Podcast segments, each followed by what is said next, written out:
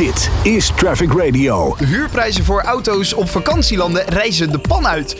Voor sommige auto's betaal je zelfs twee tot drie keer zoveel als twee jaar geleden. En dit komt omdat de vraag natuurlijk erg is gestegen, omdat zo goed als iedereen weer op vakantie kan. Maar ook omdat er veel huurauto's verkocht zijn.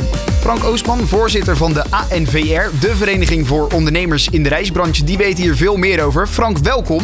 Ja, hoe kan het nou precies dat die prijzen voor huurauto's ineens zo erg zijn gestegen? Nou ja, um, eigenlijk als, als je goed nakijkt en nadenkt, uh, eigenlijk heel logisch. Uh, alle reisondernemingen, ook verhuurbedrijven, autoverhuurbedrijven, hebben natuurlijk zwaar te lijden gehad onder de crisis, uh, onder corona. En dat betekent dat ze ja, heel veel voorraden hebben afgeschaald. en dat moet nu weer opnieuw worden opgebouwd. Um, ja, en dat, daar gaat tijd overheen. Dus aan de ene kant is het heel, heel goed dat we nu uh, merken dat Europa en de wereld, maar met name Europa, nu weer open gaan.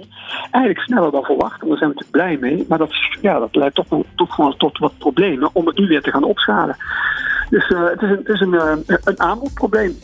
Ja, omdat dus veel auto's zijn verkocht om zeg maar die, die ja, huur, verhuurbedrijven om, om die overeind te houden. Hebben zij dus eigenlijk heel veel ja, auto's verkocht? Ja, tuurlijk. Ja, ja. zo, ja, zo. En, en uh, wat er nog bij komt, uh, en tot over naar het verand, is ook, is ook nog dat er uh, wat problemen zijn met, met, met, met de chips.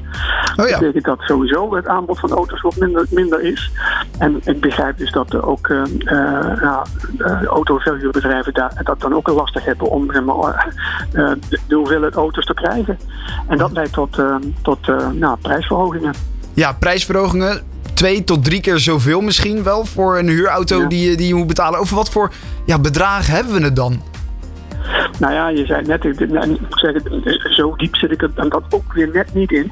Maar inderdaad, uh, het hangt een beetje af van de bestemmingen, maar de hele populaire bestemmingen. Ja, dan loop je inderdaad de kans dat je fors, fors veel meer moet betalen voor, een, uh, nou, voor, een, uh, voor de huur van een auto.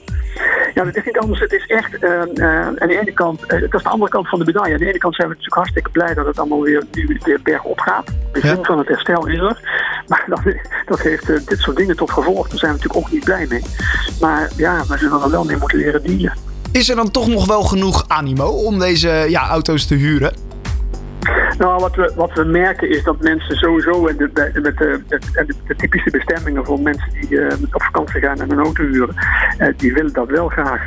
Alleen ja, uh, de vraag is zo groot dat je, dat, dat, ja, dat je niet altijd de auto krijgt die je wil, of dat je überhaupt een, een auto krijgt. Dus je moet je van tevoren wel goed, wel goed oriënteren. Ja, van tevoren oriënteren. Is er dus ja. nog een idee voor, voor de consument om een soort gokje te wagen? Om uh, ja, zonder auto te boeken, lekker naar zo'n verhuurbedrijf uh, te gaan, daarop af te stappen en te kijken wat ze nog hebben staan? Of zeg je, dan ben je nou, kansloos? Ja, dat is, dat is, goed dat je dat vraagt. Maar ik, ik zou dat risico niet willen nemen. Okay. Let op het feit dat het tekort op bepaalde plekken echt nijpend is. Uh, of je moet echt de hoofdprijs betalen, of je moet ook door gewoon geluk hebben. Het kan ook zijn dat je net ergens bent, op een plek bent en er is een auto niet afgehaald of het eerder is teruggekomen, dan, dan heb je geluk. Maar over het algemeen zou ik het, niet, zou ik het nu niet op de portefeuille gaan doen. Dat nee. moet je gewoon echt niet doen. Vooral vooraf dus even kijken. Is dat dan bijvoorbeeld ja. zo'n zo'n uh, organisatie die dat allemaal voor je regelt? Is dat er nog een goede optie? Nou, is sowieso uh, uh, ja, de, de, de, meeste reisorganisaties die uh, voorzien in deze service. Aan de andere kant, en, en dan is het inderdaad goed om dat te doen. want die kunnen van tevoren ook zeggen of, of het huren van een auto mogelijk is. Maar op de plek zelf, dat gaan beslissen in deze tijd, ja, is, is heel lastig. Zou ik echt niet aandurven. Oké.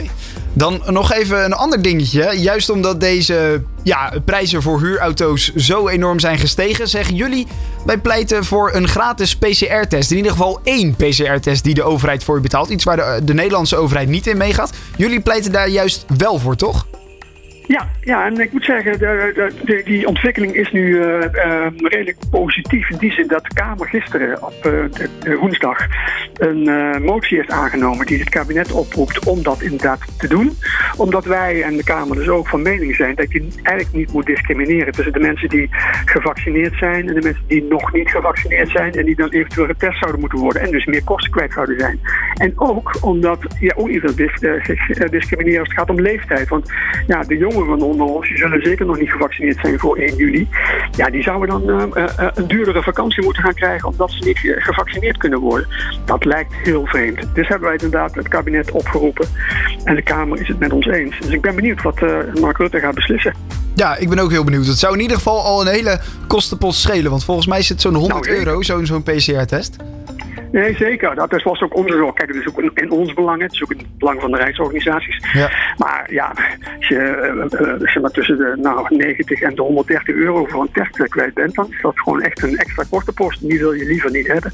Nee. Nou, goed om te horen dat dat de goede kant op gaat. Laten we hopen dat dat er inderdaad doorheen komt. En dan kunnen we misschien toch nog een klein beetje geld in onze zak houden. Dat zou, dat zou fijn zijn. Frank Oostman, voorzitter van de ANVR. Hartstikke bedankt voor je tijd en toelichting en een fijne dag vandaag. Graag gedaan. Always on the road. Traffic Radio.